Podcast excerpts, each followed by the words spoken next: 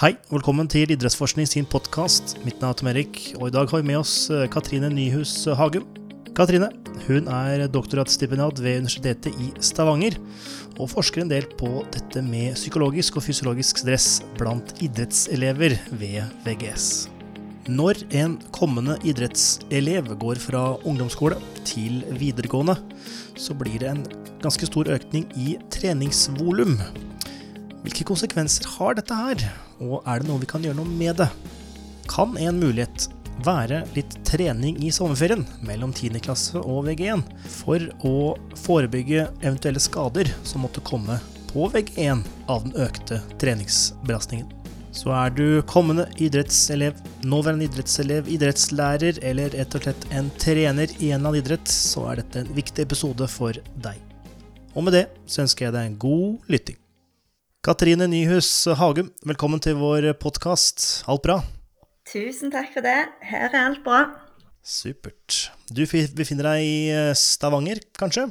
Ja, jeg er i Stavanger. Det ble eh, hjemmekontor i dag, for vi stipendiater vi sitter i åpent landskap. Så da er det ikke veldig praktisk med møter der. Riktig, riktig, riktig.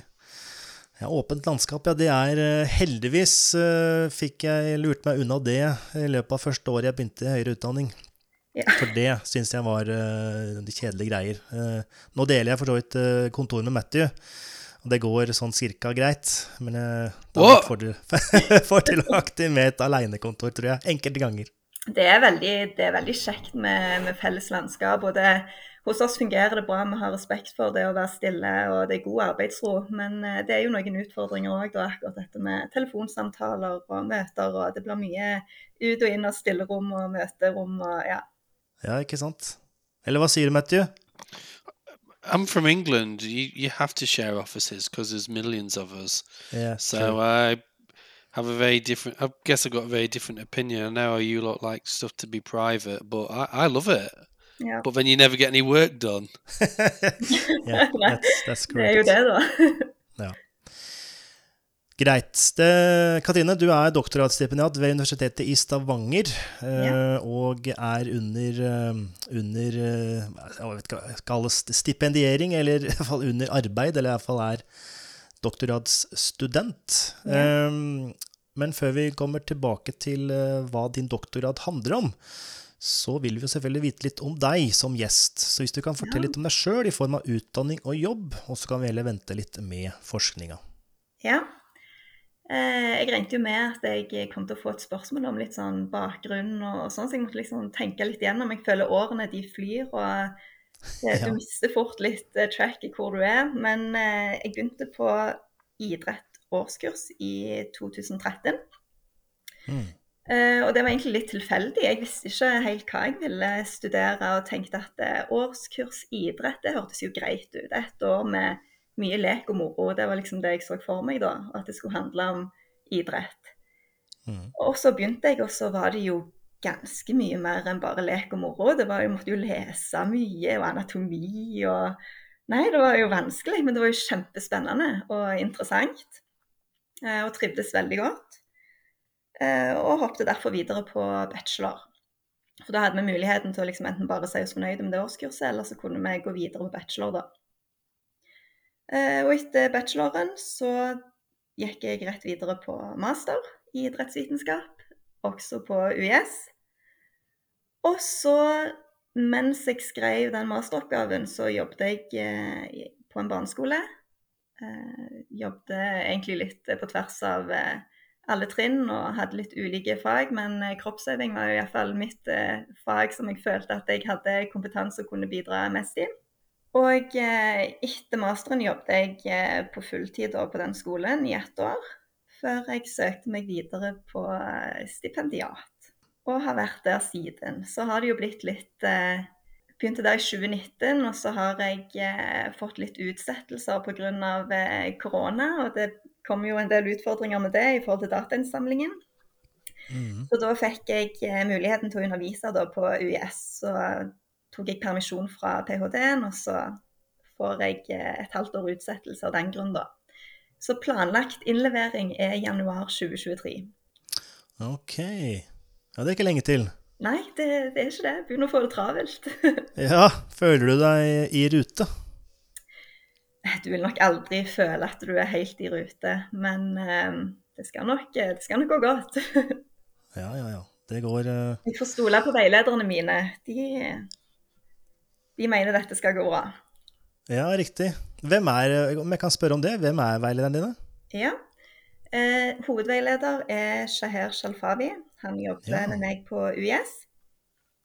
Og så har jeg to i Oslo. Det er Espen Tønnesen og Jonny Histad. Ja, riktig, riktig. Ja, Tre kjente navn, eh, i hvert fall for oss. Ja, absolutt. Og tre forhåpentligvis kanskje potensielle gjester i fremtiden. Men Ja. eh, i dag er det fokus på deg, og eh, med denne Ja, Matthew har et spørsmål. Um, I just wanted to ask what what you learned from teaching in a school for a bit. How was that any? Was you able to take anything forward from going from Barnard School to uh, to um, teaching at a university? Oi, det er jo det kan, Du kan ikke sammenligne det å undervise på i barneskolen og universitetet. Det er jo bare rollen som lærer med små barn, den er jo så annerledes enn når du står og foreleser for voksne personer. Men det er jo en veldig, altså jeg er veldig glad for at jeg fikk begynne på barneskolen, fordi du føler deg jo ikke like Altså barn som hører på voksne, de, de ser jo på deg som en helt, og liksom de, de er så engasjerte og de er så lekne, og det er på en måte det er litt mer ufarlig enn eh, det å på en måte stå i en stor forelesningssal med masse studenter. Jeg husker jo at jeg var, jeg var veldig nervøs de første gangene jeg skulle, skulle forelese, og det ble vel gjerne sånn at jeg tenkte veldig mye på oi, klarte jeg å på en måte formidle det jeg skulle formidle i denne forelesningen? Eh, Men eh, når du står i det og blir vant med det, så er det veldig godt å kunne klare å skifte fokuset til hva er det studentene sitter igjen med etter denne forelesningen. At det er jo egentlig det som betyr noe, og ikke hvordan jeg formidler. Altså selvfølgelig er det viktig hvordan jeg formidler det, men det viktigste er jo hva læringsutbytte sitter de igjen med. Så det var en veldig god erfaring å ha jobbet i barneskolen. Det har iallfall gjort meg trygg på, på det å stå og snakke om et gitt tema. Ja. Men, eh, men eh, selve gruppen du underviser, den er jo veldig forskjellig fra barneskolen til et universitet. Det, det tror jeg vi alle er eh, veldig enig i, uten at jeg har erfaring fra, fra barneskolen. Du har jo da gått uh, idrett uh, fra første år bachelor og til master og nå doktorgrad. Eh, hva er det som er eh, Hvorfor har du denne interessen? Altså, er du utøver sjøl, eller er du bare glad i trening? Eller eh, hva, hva gjør du på fritida som har eh, relevans til dette? Ja, ja nei, jeg er absolutt, absolutt ingen utøver. Jeg har alltid vært glad i å være i fysisk aktivitet. Og jeg har drevet med håndball og fotball har jeg til og med spilt. Og har eh, alltid vært glad i å gå tur og, og ja, trene. Eh, men jeg har aldri vært på noe høyt nivå. Og har vel egentlig vært en sånn en person som har vært med på håndballag og fotballag fordi at eh, alle vennene mine streiv med dette. Ikke Så sant? syntes jeg jo selvfølgelig at det var kjekt, men eh, når vi kom på videregående og du følte at det ble litt mer seriøst og skulle velge om du liksom ville satse eller ikke, så falt valget på at jeg ikke ville fortsette. Men jeg er veldig glad i å trene, og det er på en måte Når du har en jobb som jeg har, der du sitter i ro store deler av dagen, så er det veldig godt å kunne få kobla litt av med litt bevegelse. Absolutt. Matthew? You just said something really interesting there about it got it got a bit too serious. I I am mind blown by this because I keep hearing this from our students as well. Like people are like twenty saying that they don't want to play anymore because it's got too serious. Mm. And like, is that a thing in Norway? I feel like, yeah, maybe it is. T- it is too serious. I feel like as an outsider, you either have to take it so serious that it consumes your life, or you just don't bother. That is unusual for me. That there's not much differentiation like the levels of sport. Say, as an English person, if I want to play football, I can pretty much play at any standard, not any standard I want, because obviously with certain standards I'm never going to be at. But I meant I could still play competitive, but I could play recreational, I could play a mix.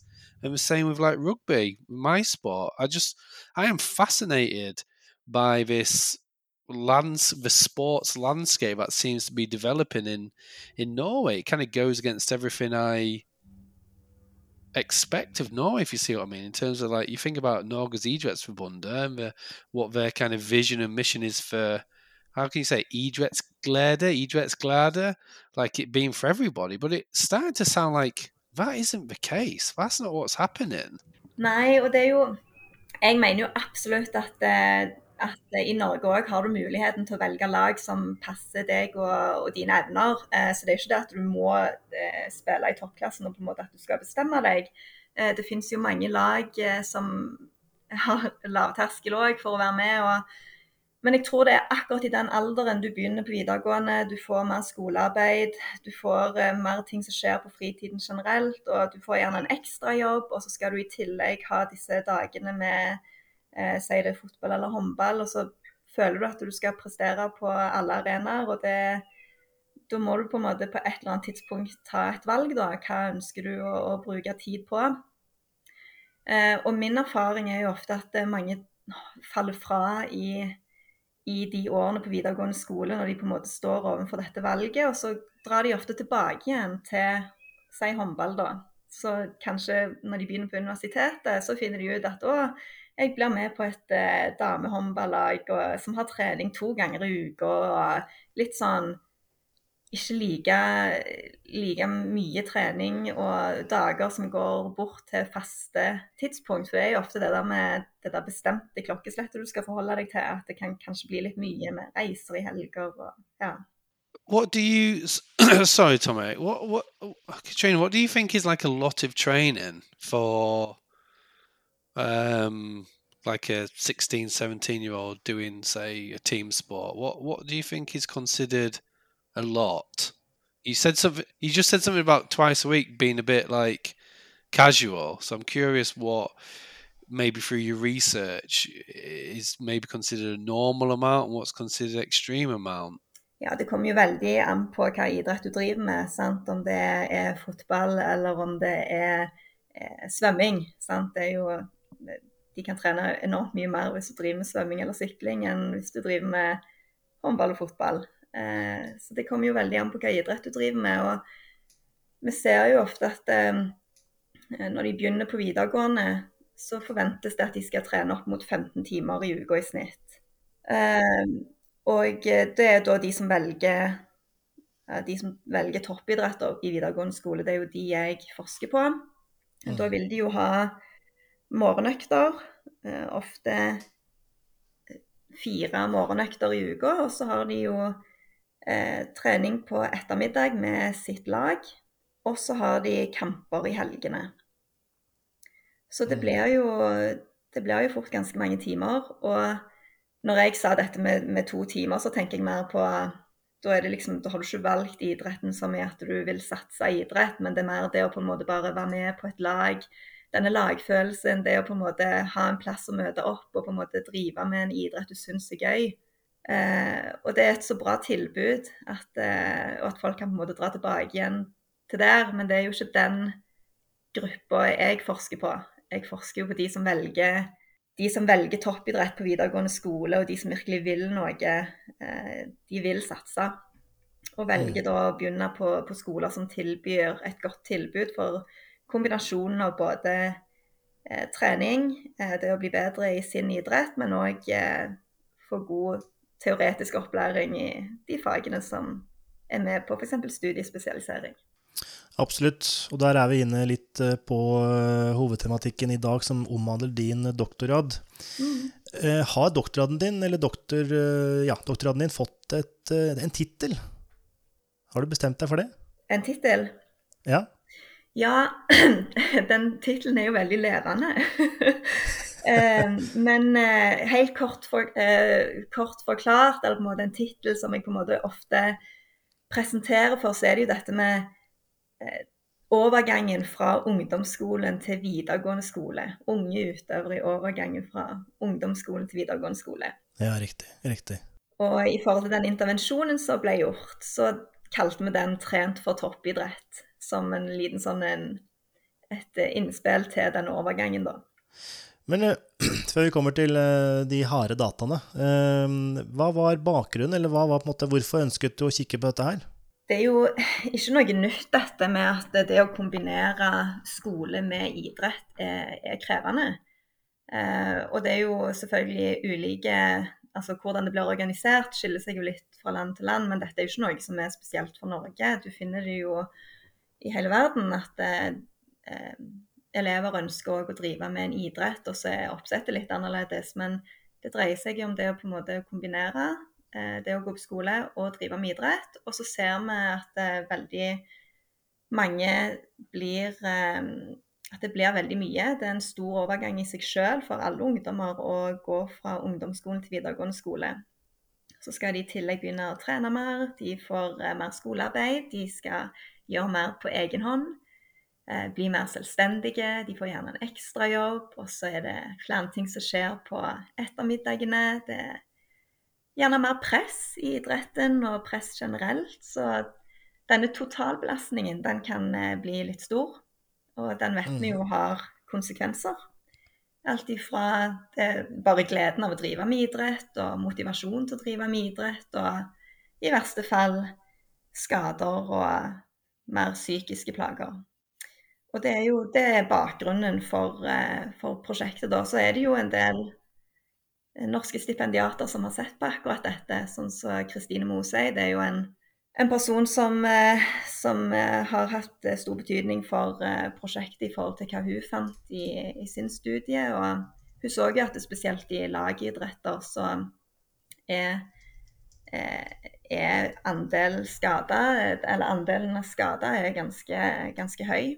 Og Kristian Bjørndal i håndball har jo sett på det samme, at det, det er mange unge utøvere som sliter med både sykdom og skade. Riktig. Og, ja. Og øh, hva, er, altså, hva er årsaken? Altså, kan man være trygg på at For det du har sett på, er øh, hovedsakelig øh, treningsvolum i antall timer per uke, i hvert fall. Mm. og en utfylling av et spørreskjema, så vidt jeg veit. I hvert fall på de prosjektene som ligger ute. Det stemmer. Og vi har jo ikke på en måte eh, sett på, på, skader i de to artiklene som er publisert. Det er jo mer det at det, for, Når du skal snakke om hvorfor en person blir skada, så er det så utrolig komplisert. Du kan liksom ikke bare knytte det til treningsbelastning. Det er så mange mm. faktorer du skal ta hensyn til. Og vi snakker veldig ofte om treningsbelastning. Eh, hvor mye de trener, hvor intensitet, varighet. Eh, men det er jo så mye mer i det. Eh, hvordan har personen det på fritiden? I hva grad klarer utøveren å restituere mellom øktene? Hvor mange baller har denne personen i, i lufta? Eh, og det gjør jo på en måte det veldig komplekst, da. Ja. Og dere har jo, eh, i hvert fall på det, eh, de prosjektene som ligger ute, der den ene artikkelen går på et slags ja, er, den, er det valideringsprosjektet en del av din doktorgrad? Ja, for da ønsker ja. vi, og det er jo et spørreskjema som skal fange både psykisk og fysisk treningsbelastning, eller stress. Mm. Uh, og oversatte det da til norsk. Og så kjørte vi en analyse for å se hvordan det passa på det utvalget vi uh, brukte på dette måleinstrumentet. da. Og uh, vi så jo at jentene de skårer høyere enn guttene når det kommer til både fysisk og psykisk belastning. Mm. Men eh, sett sånn generelt så har de ikke eh, veldig høye verdier hvis du skal sammenligne det med studier som er gjort tidligere, da. Men så er det jo òg litt sånn Det kommer jo an på hva tid Nå var jo dette ett på ett målepunkt, sant? så det har litt å si hvor var disse elevene i, i sesongen? Eh, hvordan følte de seg akkurat den dagen de utførte dette spørreskjemaet? Så det er liksom, det er mange spørsmål du kan stille i forhold til de resultatene du får. Men eh, hele poenget var jo å, kunne finne et verktøy som ikke går på dette med, med volumet på treningen eller intensiteten, men at det på en måte du kan mer se på hvordan personen har det, og hvordan personen føler seg. Og at det, det å kunne bruke et instrument som en person kan svare på flere ganger over tid. Mm. Fordi det, det er jo vanskelig å på en måte finne et kriterium som skal gjelde for alle. Fordi hvordan en person svarer på en skala fra én til fem, det er jo veldig individuelt. Hvis en person svarer tre på et spørreskjema, som kan f.eks. være i, ja, i moderat grad, grad da, si det, så kan jo det være noe helt annet eh, for en annen person. Så det er jo det å på en måte bruke et måleinstrument over tid som eh, blir veldig fruktbart da, for en trener f.eks. å følge med på, eller for utøveren sjøl. Ja, ja, absolutt. Uh, Matthew? I think you kind of answered it there a little bit, but what what criteria have you used to determine whether it's a valid instrument or not? Vi brukte jo en sånn CFA-analyse, hvis det var det du tenkte på. Yeah, just more. I just I'm just curious because probably want to steal your method at some point. Hva sa du nå? I said I'm just curious because I'm probably going to steal your method at some point. ja, nei, altså eh, Uten at jeg skal gå altfor langt inn på det tekniske og analysene vi gjorde, så var det jo Dette er jo et selvrapporteringsinstrument, sant? og vi vet jo at det å Selvrapportering det er jo en svakhet. men jeg mener jo òg at det er en styrke, men det kommer an på hvordan du bruker det. Og, og, hvordan du bruker det over tid. Så dette var jo egentlig bare for å Vi skulle oversette det til norsk. Eh, og det å oversette fra engelsk til norsk det kan av og til være litt eh, klumsete i forhold til ordene som blir brukt. Eh, så vi hadde jo flere runder, eller en sånn prosess, da, i hvordan vi oversatte det. Og vi piloterte det òg på en skole for å egentlig se om elevene forsto det de skulle huke av på eller vurdere. Og etter at vi hadde gjort det, så var det jo å begynne på på analysene da, se om på en måte spørsmålene passet i ulike faktorer og kategorier, som f.eks. depresjon eller eh, eh, fatigue eller søvnforstyrrelser, eh, stress. Og så ser vi hvordan disse spørsmålene da, hvordan de passer inn til disse faktorene i dette spørreskjemaet. Og så henter vi ut eh, eh, sånne reliabilitetsverdier i forhold til hvor troverdige da, disse faktorene er. Uh, one of the reasons I asked is because I think it's uh, we have quite a lot of students listening to the podcast, and it's maybe something not many have considered as, say, for example, a bachelor or master's project. This validation of these international instruments in a Norwegian hmm. context. Mm. So that was one of the reasons I was asking about, in case someone might want to um, do that as a project, because I think there's loads of stuff that could be done specifically in in Norway. Mm. I guess a, a real simple simple way of putting it is if you, what you find in a Norwegian sample corresponds to the samples from other countries, I guess there's an element of validity there, but sounds like generally it's more about the sensitivity of the test. If mm. you can mm. get similar results over multiple mm. observations, that's part of the validation process, right? Og det er jo det at valideringsprosessen den består av flere ledd. Sant? Så dette er jo akkurat det du sier i forhold til hvordan det samsvarer med et annet land. Det var jo ikke noe vi gjorde, vi så jo kun på faktorstrukturen. Så det er jo ikke en, en 100 valideringsstudie, fordi den tar ikke for seg alle de elementene som skal inn i en validering. Og det er jo en lang prosess, og det høres gjerne kanskje fort gjort ut å bare oversette et spørreskjema, men det er tidkrevende. og det å på en måte kunne klare å lage et, eh, et spørreskjema som skal være sensitivt nok til å fange det du faktisk ønsker å fange.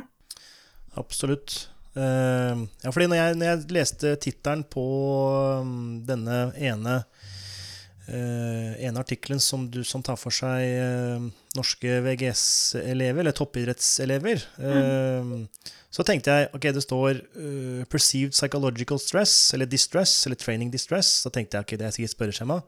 Og så står det også psych... Nei, beklager. Uh, 'physiological'. Da tenkte jeg at ok, her har jeg sikkert tatt blod. Og så sa jeg 'psychological'. Ok, Da har du sikkert spurt gjennom et spørreskjema. Mm. Uh, så mitt spørsmål er jo egentlig når man finner ut at folk har muskelsårhet eller dårlig søvn og sånne ting, hvor kan man si noe på det, hvor godt sams, eller ville det samsvart med eh, det å ta blod, eller se på nivåer av eh, kreatin kinase, eller eh, hormon, eller altså Hvor trygge er dere på det? Ja, det er jo veldig interessant, fordi altså, forskning viser jo det at objektive målinger eh, at samsvarer veldig godt med selvrapporteringsspørreskjemaer. Og akkurat dette spørreskjemaet her har på en måte blitt sett på som et eh, veldig godt alternativ da, til objektive målinger. Og eh, så det er jo jeg tenker det er jo veldig lavterskel og lett for en trener å altså tenke på tidseffektiviteten og kostnaden, ikke minst. Sant? Det å heller kunne bruke et kort spørreskjema på 22 spørsmål, som er tilfellet for dette spørreskjemaet, da, så er jo det veldig brukervennlig. Mm, mm. Absolutt. Og mye mindre invasive. Jeg vet ikke hva det norske ordet er, men uh, jeg vet ikke om vi skal starte med studien som ligger ute, eller uh, de dataene du har samlet i form av intervensjon. Jeg tenker kanskje å starte med denne overgangen fra ungdomsskole til videregående, og hva som skjer der. Hva tenker du, Katrine? Ja, ja, det er jo det, er jo det som kanskje er, hovedelementet i min doktorgrad, og spesielt den overgangen. Og mm. Eh, i utgangspunktet så var egentlig aldri planen å gjøre en intervensjon, eh, men det er jo løye hvordan det, det, skjer fort en del endringer i et eh, treårig doktorgradsforløp. Eh, og korona skjedde jo, og eh, som gjorde at eh, vi egentlig bare måtte avlyse datainnsamlingen. Og den, da måtte den jo utsettes et, et helt år. Fordi jeg skulle se på akkurat denne overgangen. Og korona kom jo i mars. Og jeg skulle begynne datainnsamlingen eh, samme år, i mai. Så da utsatte jeg eh, den datainnsamlingen med et helt år. Og eh, sett nå i ettertid så er jeg jo egentlig veldig glad for at eh, det skjedde. For da fikk vi på en måte jobba videre med prosjektet, vi fikk utvikla det og tenkt mer. Og du kan aldri få for lite tid til planlegging. Um. Så var det egentlig Espen han eh, var veldig liksom, på den at vi må gjøre noe. Vi vet jo at, eh, at de er skada og at de har helseproblemer. Det har jo på en måte andre allerede bekrefta. Og det var vi alle enige i. Vi hadde utrolig mange møter på dette her. Og falt da til slutt på at eh, vi skulle ha en intervensjon i de åtte ukene som det er sommerferie, og følge de tett opp ukentlig. For å se hva effekt det kunne ha på skadeforekomst eh, når de starter på toppidrett på videregående. Og, og da, da, var det bare å følge de, bare rapportere hva som skjedde, eller gjorde dere noe med de?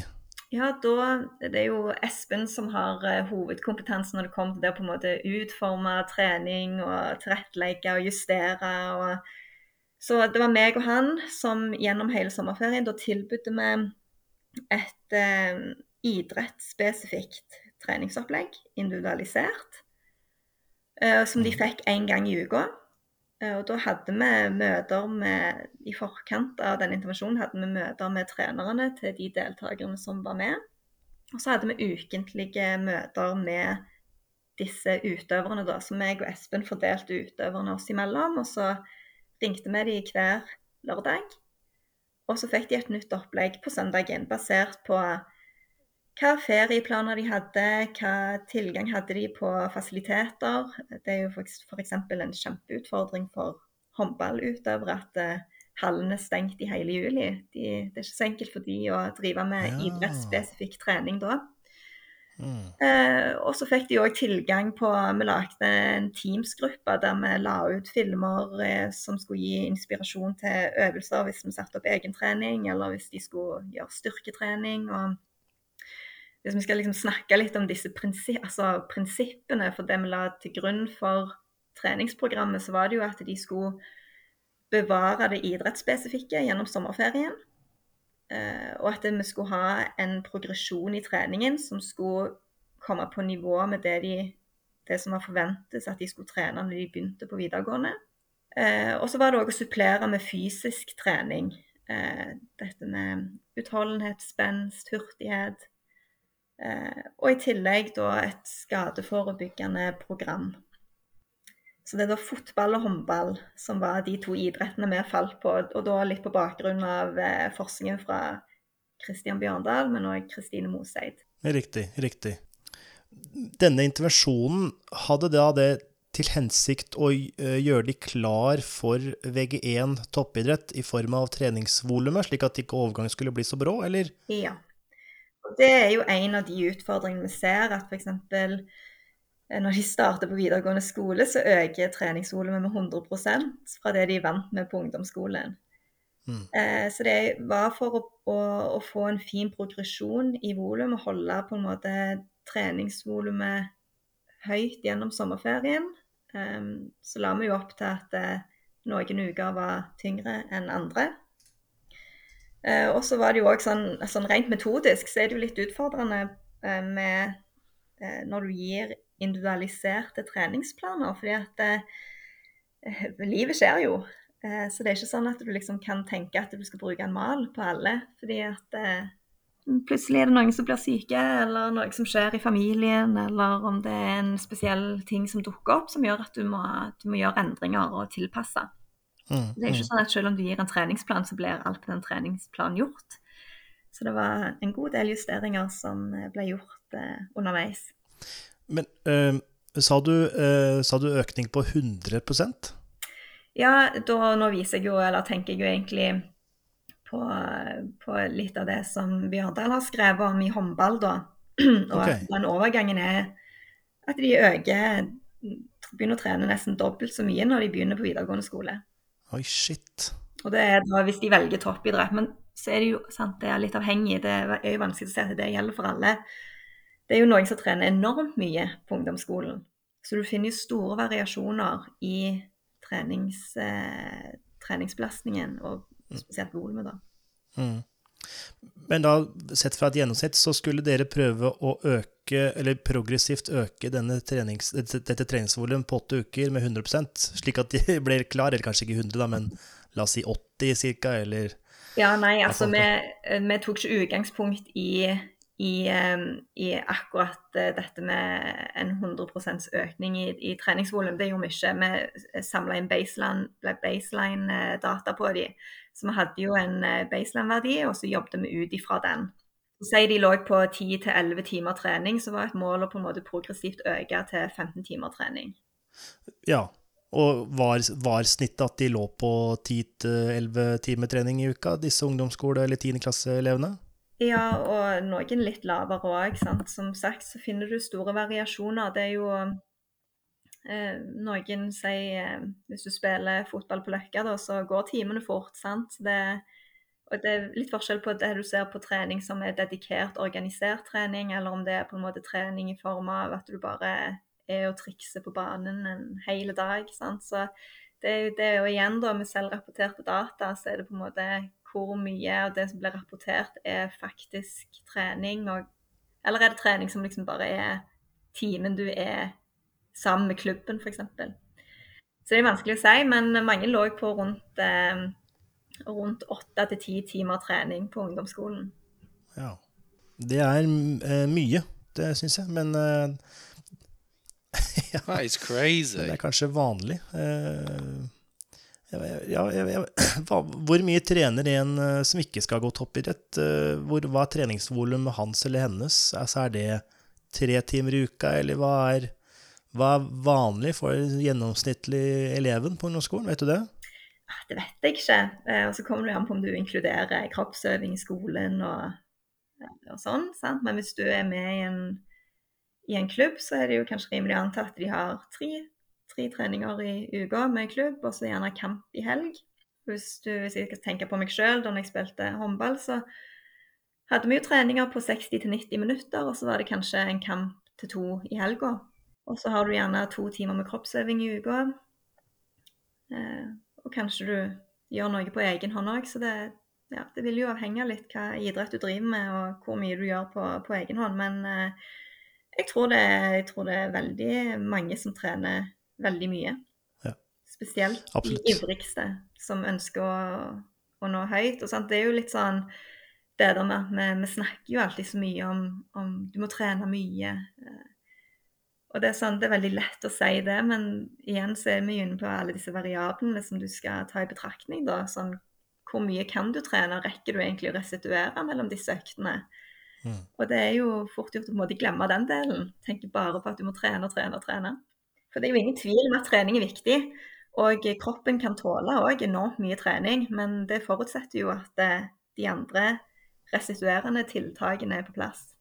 Ja. Og det er vel eh, kanskje ikke alltid, eh, hvis man skal se på antall timer søvn, eh, i hvert fall for ungdom, ungdommer der er generelt, da. Så sover kanskje de med, som skal gå toppidrett, eller driver med, driver med organisert idrett på et relativt høyt nivå, sover kanskje mer, det veit jeg ikke. I I I find it absolutely mind blowing, like how much training kids do over here. Um, I'm going to try and find it while we're talking, but I can probably find like the number of hours expected at like professional Mm. football academies in England. It's nowhere near. It's honestly like trying to think when I was working. Let me have a think. Maybe like I would say like uh, under 14s in a academy I was working in, maybe three times a week plus a game. Each session was probably like 90 minutes, 60 to 90 minutes, three times a week after school. Uh, I don't know where, why, or where this idea comes from in Norway where more is more.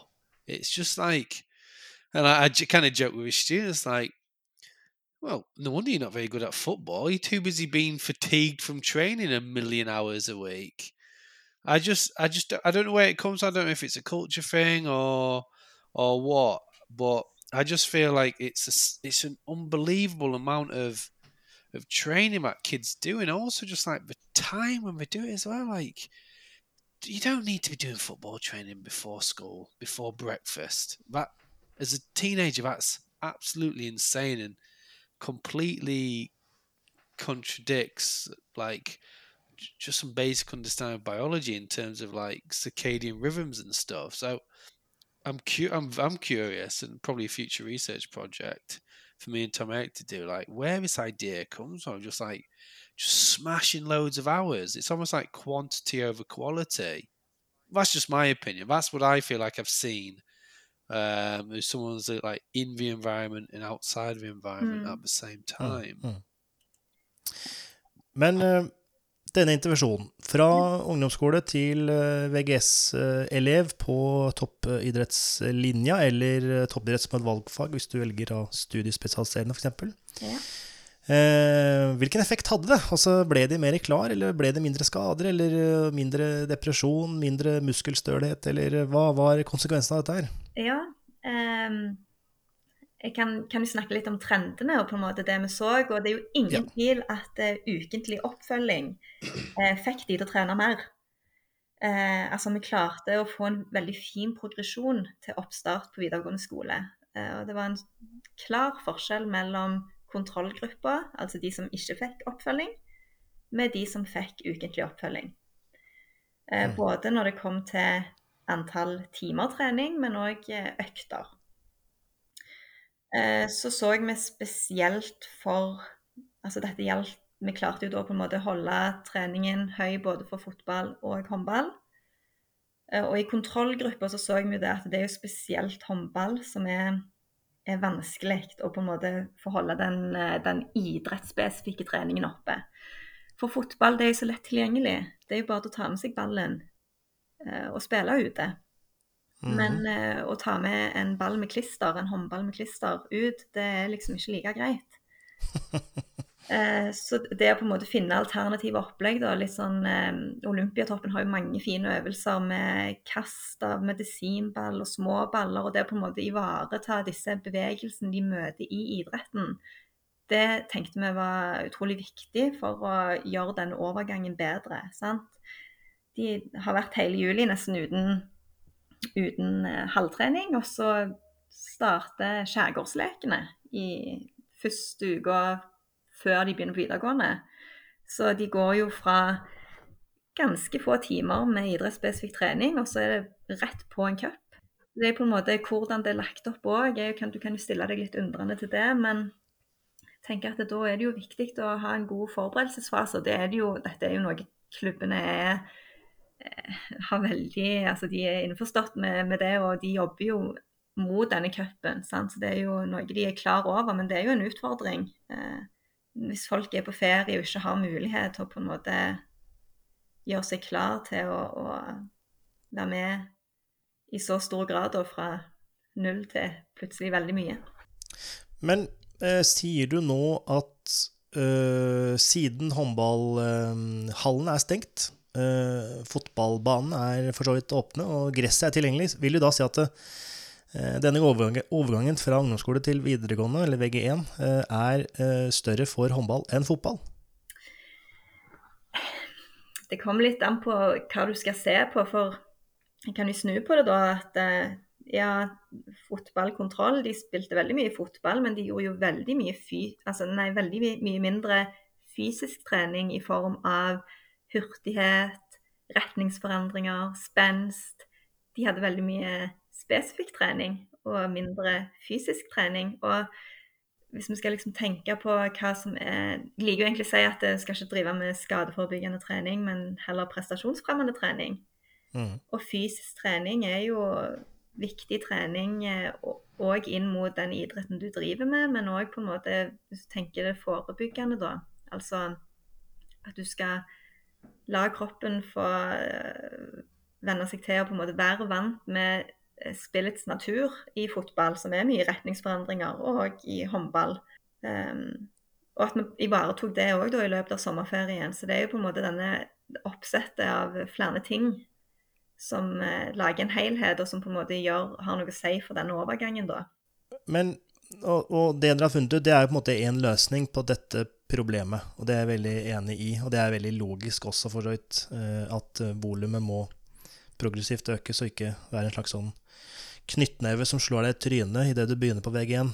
Det er alltid dumt og alltid negativt. Men er det eh, Er det realistisk for at ungdomsskoleelever eh, sammen med sin trener eller og, og, med oppmuntring fra foreldre, at de skal øke treningsbelastningen gjennom sommeren før de begynner på VG1? Eh, eller er det andre løsninger som også må implementeres i form av Eh, VGS-ene, eller idrettsfagene, må ikke ha den store økninga, eller at eh, klubbene rundt omkring må eh, tilpasse sin treningsbelastning for disse personene, eller ja, hvor realistisk er dette her, da?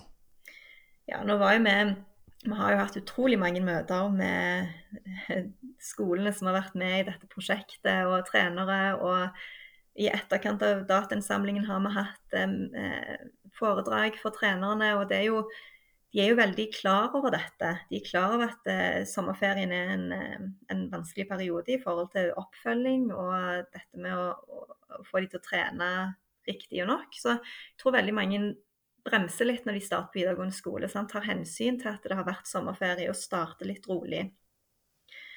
Eh, og i lys av alt det andre som kommer på videregående skole. Sant? Så det at de, Mange som velger at den første uka bruker de gjerne til sosiale aktiviteter, felles turer, gjør kanskje fysisk aktivitet som ikke er den idretten de har valgt. Og jeg tror det er veldig fornuftig å på en måte få en litt sånn eh, god overgang.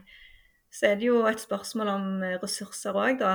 Eh, det er jo det var mye jobb i sommer å følge opp eh, disse utøverne. og Det var utrolig spennende og veldig givende. Og Spesielt fordi at disse utøverne var veldig motiverte og engasjerte. Eh, kan jeg bare ta et eksempel. Eh, Espen han jobber jo i Oslo, og da hadde vi to jenter som hadde reist til Oslo og ringte og liksom ja, om ikke de kunne få lov til å eh, komme inn på et treningsstudio og gjøre styrketreningen der, siden de var på ferie. Og Espen låste de inn på jobben, liksom, og de fikk utført øvelsene der. Og det viser jo på en måte bare hvor lystbetont det var. sant? Dette var noe de virkelig ville, og de hadde tro på det sjøl. Og, mm. og jeg tenker det må være lystbetont. Skal du få det til igjen gjennom sommerferie, de må være motiverte. Eh, men så tror jeg òg at det, ja, det, handler selvfølgelig om ressurser. En person må jo følge opp disse utøverne. Og iallfall når vi ser hva effekt det har. Det at du vet at noen følger med på deg, og, og du har noen du kan snakke med, og hva påvirkning det har på motivasjonen din, og det å på en måte bruke tid på trening. Og de fleste som jobber i klubber og skole, de jo, skal jo ha ferie, de òg. Så det er jo ikke noe som kan komme oppå alt du allerede har fra før. Det må jo da bli en, en, en, liten stilling som på en måte er dedikert til sommerukene, da. Absolutt. Absolutt. Uh, uh, I data, dataene dine uh, på den intervensjonen, var det noen differensierte funn? Altså var det noe, for du sa at jentene hadde Hva var det du sa? Jentene hadde størst, eller større psykologisk og fysiologisk stress enn gutta. og vil det da si at de kanskje hadde størst påvirkning av denne intervensjonen? Ja, dette, altså, det var jo i den, den første eh, artikkelen som ble publisert, akkurat den ene målingen. Det er jo ikke det samme utvalget. Nei. Der så vi at jentene skårer generelt høyere enn guttene, som òg er veldig vanlig i andre land. Uh, og, uh, men det vi så som er interessant fra denne datainnsamlingen, det var at til tross for at uh, intervensjonsgrupper trente mer i sommerferien, så så følte de seg ikke mer psykisk og fysisk eh, belasta som kontrollgrupper som trente mye mindre. Så det betyr jo egentlig at selv om du Altså vi ønsker jo at du skal ha en viss grad av fysisk og psykisk belastning. Det må jo til for at du skal få progresjon og utvikling. Mm. Men det er jo på en måte hva tid er nok, og hvor mye, sant? Eh, til det endrer seg til å ikke bli eh, positivt. Men vi så at det var ingen forskjell mellom gruppene når det kom til psykisk og fysisk belastning, til tross for at eh, intervensjonsgrupper trente mer gjennom hele sommerferien. Hmm. Og, og hva, hvordan tolker du det? Um, jeg tolker jo det som at eh, sommerferien er jo en periode der de har fri fra alt annet, altså skolearbeid. Så det er jo litt interessant at eh, det å holde kroppen i gang Det er jo mange som gjerne ville argumentert for at eh, når de har sommerferie, så bør de både slappe av teoretisk og fysisk. Men eh, hvis du skal tenke rent fysiologisk, så vil det jo være veldig viktig å holde kroppen i gang på et gitt nivå. Og eh, det viser jo bare at når de har mindre eller andre ting å tenke på, eh, i og med at de har fri fra skolen, så viser jo det at det, det tillater jo òg mer trening, da. Uten at det på en måte påvirker de fysisk og psykisk. Mm. Sånn, At de har større tåleevne og gjerne restituerer bedre mellom øktene. Så det er iallfall en tanke jeg har at eh, ja, det kan være en grunn da, til at eh, det var funnet. Ja, ja. Uh, Matthew? I know how you Norwegians love your holidays. Um, so, do, do, are you saying a lot of lot of these younger athletes, when it comes to summer holidays, I think somewhat like kind of what you said about I think summer holiday just means a break from school, a break mm. from university. Mm. But are you saying a lot of people also take a break from sport and just training in general when it's uh, the summer holiday? Mm. Okay, that's that's that's something else I just find so bizarre. Like, why does sport is a hobby? Why would your hobby stop in your holiday time? Like, that's really weird. Men, but, men da tenker jeg jo spesielt for håndball. Sant? I og med at det, fordi det kommer jo, Dette er jo veldig avhengig av hva idrett du driver med. For sånn som vi så på fot, fotballdeltakerne, så, så, driver jo de altså De hadde jo klubbtreninger, de hadde jo treningskamper, de var med i cuper. Så de var jo i gang. Og meg og Espen vi gikk jo ikke inn og på en måte bestemte over eh, klubbtreningene. Da satte vi det opp på ukeplanen, og så var det en del av alt det andre vi la rundt. Mens for håndball, der, jo, der er det jo mer på en måte ferie fra eh, klubbtrening, men ofte at det, det, vi ser, og som er veldig vanlig, er jo at trenerne da gir ut et program som utøverne jobber med i løpet av sommerferien. Et felles program som blir gitt ut til alle. Det er jo veldig typisk i håndball. What about other sports? Ja, det kommer igjen på hvor de er i, i, sesongen. og Nå skal ikke jeg eh, uttale meg altfor mye hvordan det blir gjort i, i, i andre idretter. Eh, for nå er det jo på en måte spesielt fotball og håndball jeg har fulgt i løpet av denne sommeren. Og så har det jo vært litt spesielt òg med korona, som har gjort at eh, treningsrutinene har jo blitt litt endra etter det. Um, men um, men ja, det, det varierer hva, hva, idrett du driver med. Og det var jo spesielt eh, Det er veldig mange klubber i håndball òg som er flinke til å samle laget på utsida av hallen. Og drive med utholdenhetstrening og hurtighet og spenst. og at det gjerne ikke det er ikke så mye idrettsspesifikk trening, men mer fysisk trening. Og at de har eh, fellestreninger. Så det er jo spesielt det at de tar ferie fra skolen, men så blir det jo òg på en måte annerledes de ukene. Fordi at folk reiser vekk, og treneren skal ha ferie. og ja, Så det blir jo ofte litt annerledes de åtte ukene. Yeah. I was just thinking then, like, I wonder if the coaches think, oh well, you know, we're training seven to eight times a week. I need a, I need a break as well. It's like, well, spread it out better then. I don't know. I just find it all so bizarre. Right, we're going to train like an unbelievable amount, and then at some point of the year, we're just going to do nothing. And like you said about like from this purely, I guess from a purely physiological perspective, that's not the best idea. Um, I wonder if it's just like, is this to do with like mental fatigue and, and burnout that the kids just want a completely clean break for like three weeks or a month. It goes back to my point, like I just think there's too much going on in season, in my opinion, and maybe that's what drives this like uh, complete distancing in in the summertime, if you see what I mean. Ja. Uh, jo, jeg, jeg So an easy way of putting that might be if you did less per week, maybe people might be more inclined to not just want to go, hey, summertime now, I'm doing nothing. ja, men allikevel så har jeg, har jeg, inntrykk av at de ønsker jo å trene i sommerferien òg. Iallfall de deltakerne vi fulgte. Så det sto ikke på det at de ikke ville trene, det er jo noen du må holde igjen. Det er jo mer det at eh, dagens eh, utøvere er jo veldig eh, Alt er veldig organisert, sant. Så det er jo mer det der med at når de plutselig skal stå litt for seg sjøl og gjøre ting på egen hånd, så kan det av og til bli litt vanskelig. Eh, og det å på en måte få eh, veiledning både på hva er litt for mye og hva er litt for lite, og hvordan bør du fordele type trening. Altså er det kun idrettsspesifikt? Er det, er det kun fysisk trening? Er det kun utholdenhetstrening hele sommerferien? Eller det, består det av ulike elementer? Så det er jo på en måte Det er kanskje dette som er utfordringen, da.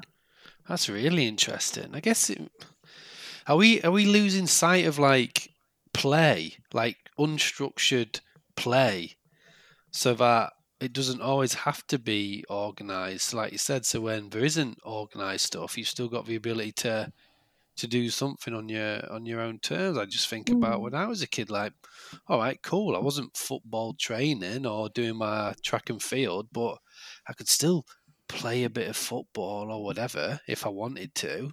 Is that not? I don't know. Does that? I'm I'm sounding really old. I guess I am.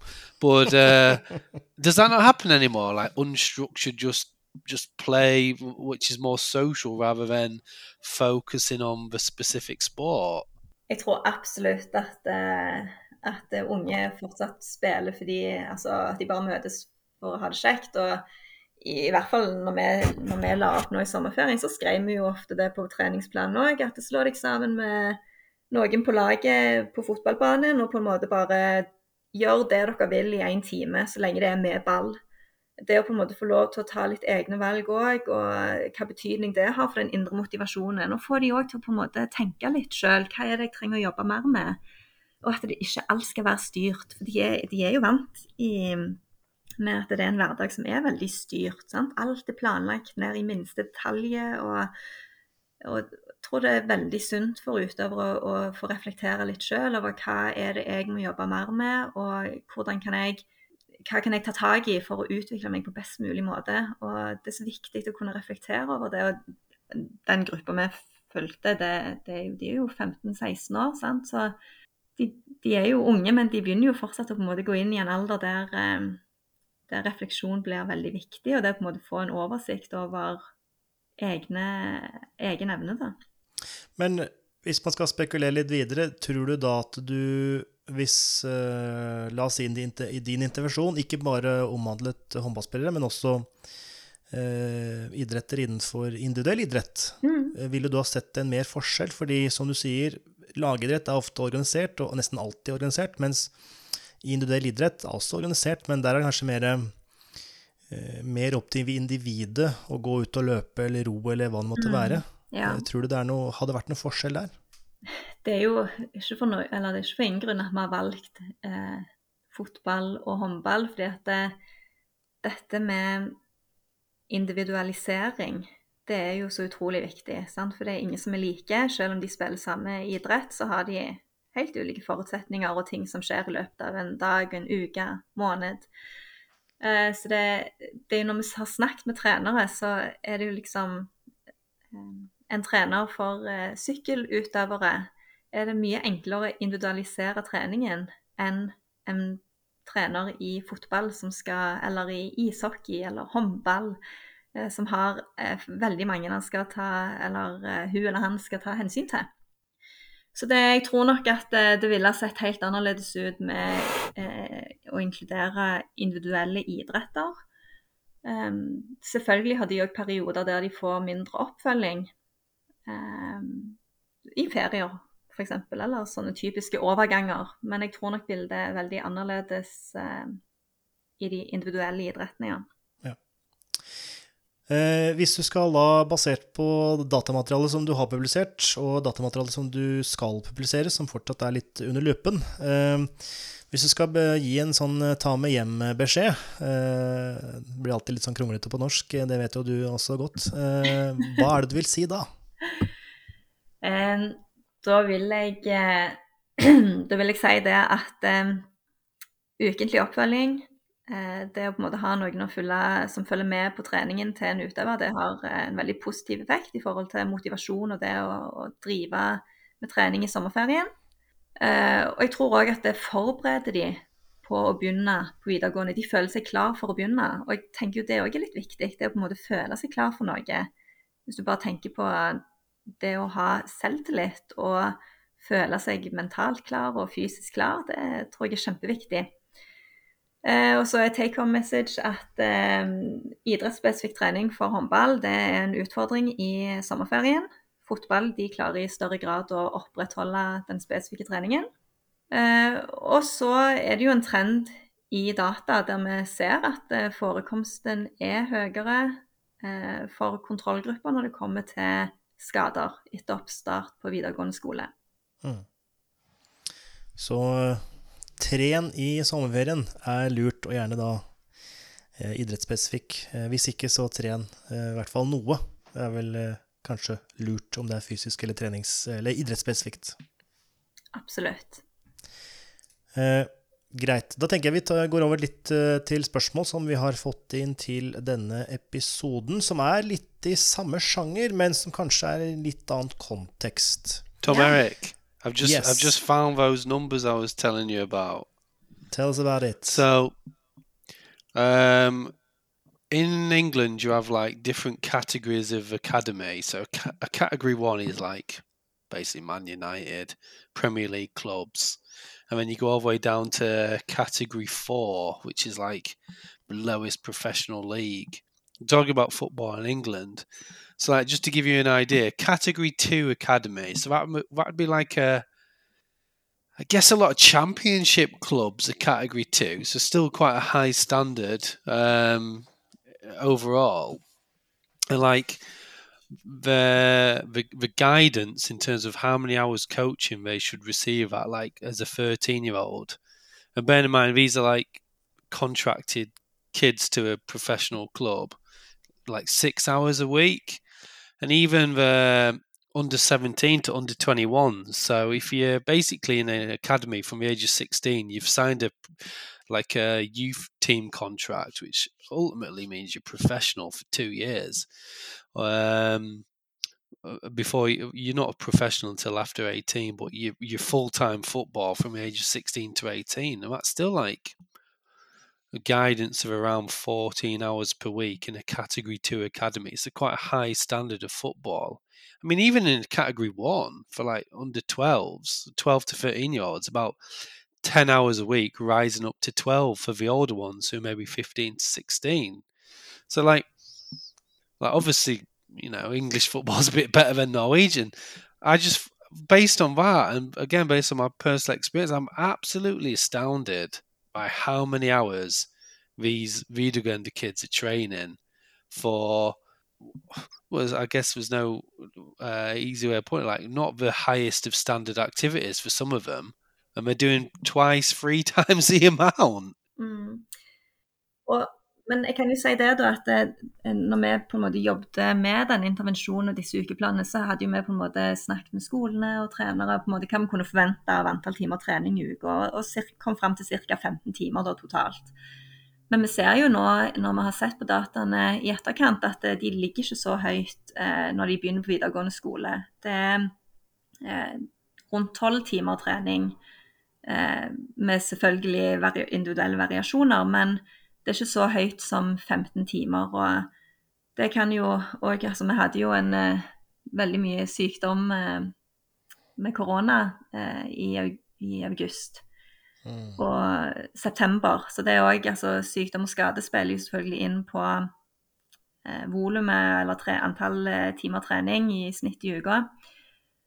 Eh, men, eh, så det kan jo være en forklaring på hvorfor de ikke har vært oppe på 15 timer. For hvis du ser på hvor mange økter de skal ha i løpet av en uke, så er ikke 15 timer urimelig. All right. Uh, anything to add, Matthew? Just, just fair enough. Ålreit. Bra. Da har vi etablert uh, forholdet mellom uh, norsk og engelsk og treningstimer og nivå. Uh, spørsmål fra våre følgere. en som heter Roald, eller kaller seg Roald AP. Det er en student av oss. Kan for mye psykologisk stress føre til redusert prestasjon i fysisk yteevne, og motsatt? Ja. Det var jo et interessant spørsmål. Ja. Um, det er jo Det er jo en klar, eh, klar sammenheng, eller et forhold. Altså dette med psykisk stress og fysisk ytelse, det, det har mange sett på og skrevet om. og for mye psykologisk stress kan selvfølgelig påvirke den fysiske yteevnen til en utøver. Ehm, men så vet vi jo òg at eh, hvis jeg kan snu litt på spørsmålet, eller eh, på den forklaringen, så er jo òg psykologisk stress være positivt. Det kan mm. gjøre deg mer skjerpa, du kan på en måte være mer på, eh, som er, kan da faktisk gjøre at du presterer bra. Og så er det veldig individuelt. Noen eh, tåler jo mer stress enn andre, så det er på en måte vanskelig å en måte gi et eh, veldig klart svar. Eh, hvor godt du håndterer stress, vil jo selvfølgelig ha noe å si for hva tid det på en måte slår ut på den eh, fysiske yteevnen. Men eh, hvis vi kan på en måte se for oss en kurve, da, så kommer du jo til et punkt der stresset vil bli så høyt at det vil få eh, en negativ konsekvens da, på den fysiske yteevnen. Så du kan si at det, det å på en måte være eh, litt stressa, det kan egentlig være positivt. Det kan få deg til å være eh, motivert og på en måte være på, aktivisert. Mm. Men at hvis det kommer til et eh, visst punkt, så kan det da påvirke i negativ forstand. Så er det jo litt kommer det an på om det er snakk om én Si om det er én kamp, eller om det er over lengre tid. Altså hvis vi ser på en måte en lengre periode.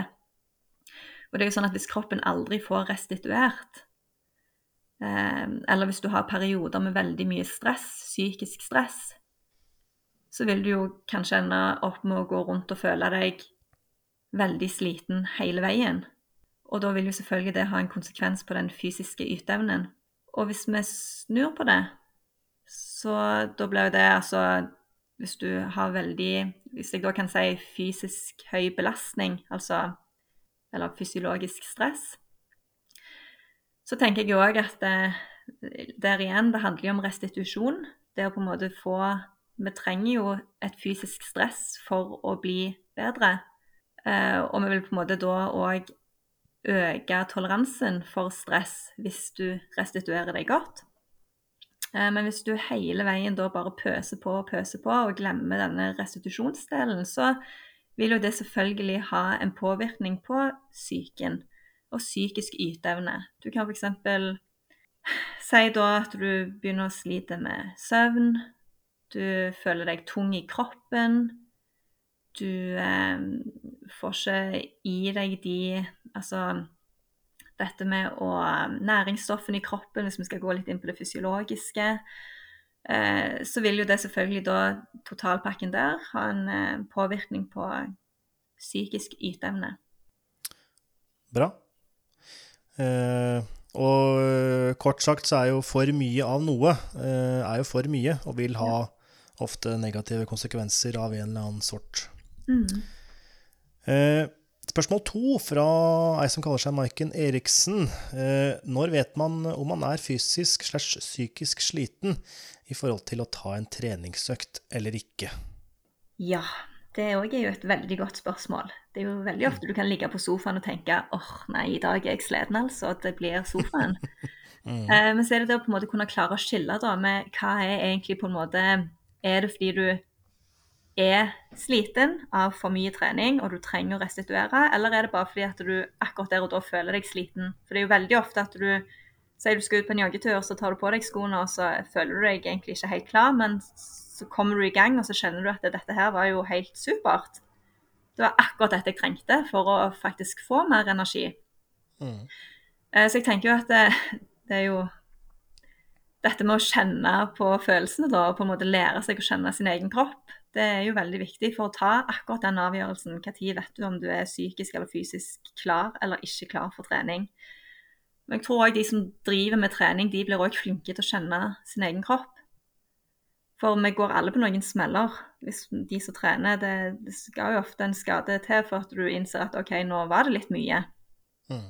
Og det er jo dette med må ikke, Du må nesten regne med at hvis du i fall driver med idrett, så får du en skade en gang. Det er veldig vanlig. Og hvis du bare er en sånn hobbymosjonist, så kan du òg risikere det og skade deg. Og det er jo egentlig bare s- se på det som lærdom. Altså selvfølgelig, du vil bli Du vil jo komme deg fra, fra den skaden, og det er utrolig kjipt å ha skader. Jeg har hatt eh, skader sjøl, så det, det er aldri gøy, det. Men du lærer veldig mye av det. Og hvis du klarer å på en måte ha en litt sånn positiv tankegang, så kan du ofte komme sterkere ut på, på andre sida. Det ble et veldig langt, veldig langt svar nå på, på dette spørsmålet, men det er veldig vanskelig å gi et klart svar på hva tid du vet om du er for psykisk eller fysisk sliten for en økt. Ja, veldig, veldig enig. Matthew? I had an I had an anecdote, but I don't know if I want to share it now. Based on You have I- said A, so you need to say B. well, I've got two, so I'll s- I'll go with the the I guess more light-hearted one. I used to one of my lecturers, one of my favorite teachers ever, um, was a power lifter at the time he was teaching us. I'll never forget the time in the gym. He was just cycling, was just warming up on a on a cyclogometer, and then just chatting for five minutes. He just gets up off the bike and goes, "Right, see you later." I'm like, "What?" because I'm used to seeing this guy maybe train for a couple, you know, typical powerlifters. They train for like two or three hours, don't they? Have the lunch and stuff on the bench. and I was like, "What? Where's he going?" And I was like, uh, "You're not training." He's like, "Oh well." I can't get my heart rate above 85, so I'm clearly not interested today. I'll try again tomorrow. I was like, okay, wow. Um, he's like, yeah, if I'm if I'm not feeling it, I don't feels if I don't if I can't get some physiological feedback that suggests I'm ready, mentally I'm not ready either. So I thought that was a really interesting approach. Mm. There was also a really famous uh, track cyclist called Graham Obery, Scottish guy who broken several world records. I think he used to have like the hour time trial world record, and I mean it's a bit complicated because of his like if you read his biography and stuff and his issues with mental health. But like he used, his philosophy was like, right, if I don't feel like training, I'm not gonna. I'm not going to get anything out of it, so I just don't bother. Now, both of those anecdotes, I'm not saying copy that. I just wanted to. I just thought it was two relevant stories, really. Ja, absolutt. Og jeg tror jo òg at det, sant, her hører du at dette er en med erfaring og trent lenge, kjenner kroppen sin. Og jeg tror òg det er mye enklere å ta den avgjørelsen, da, sammenlignet med en mosjonist som sier trener to til tre ganger i uka. Um, da, da er jeg glipp den bare, bare prøv. Start litt rolig, og så kjenner du fort om du er klar eller ikke. Mens hvis du er helt i toppen, og du egentlig kriger på den der eh, røde linja på hva som er litt for mye og litt for eh, voldsomt, så ta heller å stå over en økt enn å på en måte pushe deg gjennom en til hvis du vet at det på en måte det kan, kan få store konsekvenser å på en måte pushe strikken for langt, eller tøye strikken mm. for langt. Og så er det mulig å oh, Sorry, Uh, yeah. uh, og, og, så er det jo mulig å ta en avgjørelse på trening. For jeg tenker det er fornuftig, som du sier, at uh, man ligger i sofaen, og sofaen kjennes god ut. og da er det kanskje greit å komme seg på trening og Ok, du hadde planlagt en hard økt, eller tung økt. Mm. Mm. Så er det kanskje bedre å Ok, eh, på oppvarminga så, så, føler jeg det ikke. Jeg kommer ikke over 85, 85 slag i minuttet på pulsen min. Da tar jeg heller en gåtur, eller jeg går 20 minutter på mølla, og så løfter jeg litt lett benk eller teknikk, eller et eller annet sånt, mm. og så går jeg hjem igjen. Da har du hatt en økt som er fornuftig. Det, det, er det, er veldig fornuftig. Jeg tror at det, det, du gjør godt mot deg sjøl. Eh, hvis du dropper den økten helt, så er det veldig fort gjort å tenke at oh, du kan ende opp med den dårlige samvittigheten for at du ikke gjorde noe. Så jeg tenker at eh, start heller forsiktig og ta deg heller en rolig økt, så kan det føre til at du egentlig bare føler deg bedre etterpå. I was, I was just going to ask, is that an easy sell to people? Like to say, right, just take it easy instead, do something different. Mm. Oh, I'm curious how easy that is to, I guess, convince certain people that, again, less is more. Jeg er veldig for less is more. Jeg tenker at det er så lite som skal til for å på en måte egentlig vedlikeholde eller faktisk få et utbytte av treningen òg. Så folk må ikke tenke at det skal være så veldig avansert og at det skal være så lenge. Altså litt er bedre enn ingenting. Og det, nå skal ikke jeg eh, komme med en stor digresjon her, men vi kan bare se på de nye rådene fra Helsedirektoratet, så er det jo Alt er bedre enn ingenting.